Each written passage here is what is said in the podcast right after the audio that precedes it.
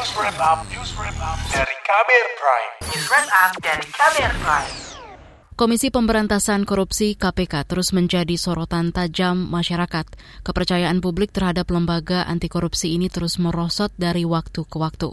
Apa penyebabnya dan apa yang harus dilakukan untuk memulihkan kepercayaan publik itu? Berikut laporan khas KBR yang disusun jurnalis Heru Haitami.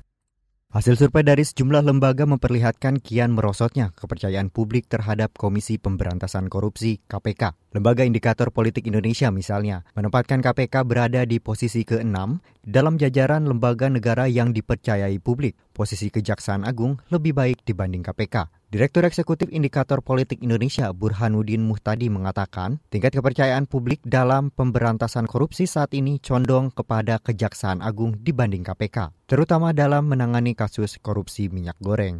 Nah, yang ada perbedaan adalah di bulan Juni Kejaksaan Agung itu merangsek ke atas. Nah, ini sebenarnya tidak beda ya dengan survei telepon yang kita lakukan di bulan Mei ya, Kejaksaan Agung meningkat, trust eh, publiknya menyalip pengadilan KPK ya ya dibanding bulan eh, April ya. Gambaran serupa juga ditunjukkan hasil survei Litbang Kompas. Pada survei Juni lalu, tingkat kepercayaan publik terhadap kinerja KPK kian rendah, yaitu hanya 57 persen. Angka ini paling rendah sejak Januari 2015.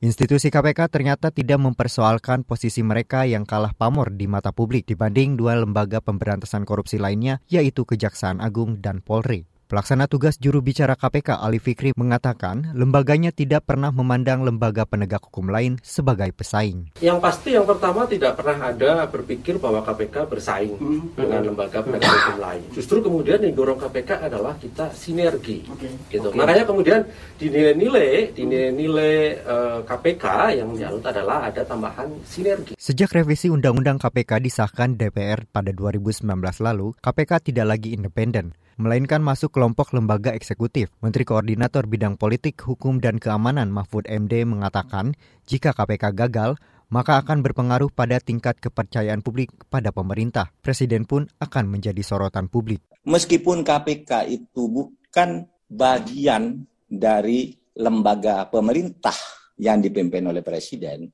tetapi di dalam hukum tata negara KPK itu masuk di dalam rumpun eksekutif Rumpun eksekutif itu tidak harus ada di bawah presiden. Rumpunnya saja, misalnya Komnas HAM.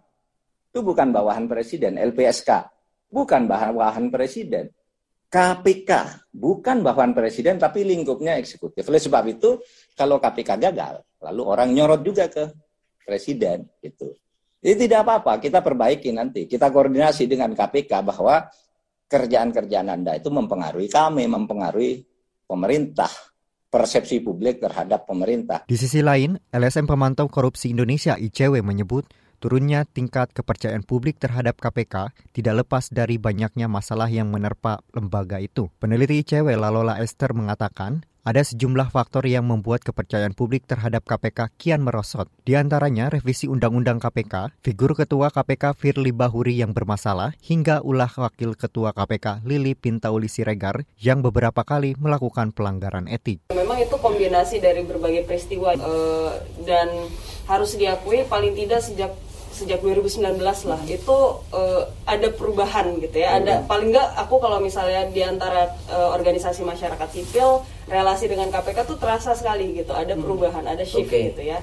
Uh, dan itu lagi-lagi ada banyak peristiwa yang pengaruhi. Tentu kalau dari awal dan kami pun sebetulnya masih konsisten sampai saat ini. Masalahnya kan kondisinya tidak berubah sesuai maunya hmm. publik misalnya. Lalola Esther mengatakan, turunnya kinerja KPK di bidang penindakan juga menjadi faktor berkurangnya kepercayaan publik. Lalola mengatakan, yang bisa dilakukan KPK untuk memulihkan kembali kepercayaan publik, yakni dengan mengencarkan penindakan kasus korupsi. Menurutnya, penindakan merupakan manuver KPK yang paling dianggap sebagai kerja nyata. Demikian laporan khas KBR, saya Heru Haitami. Kamu baru saja mendengarkan news wrap up dari KBR Prime. Dengarkan subscribe at prime.id podcast for curious minds.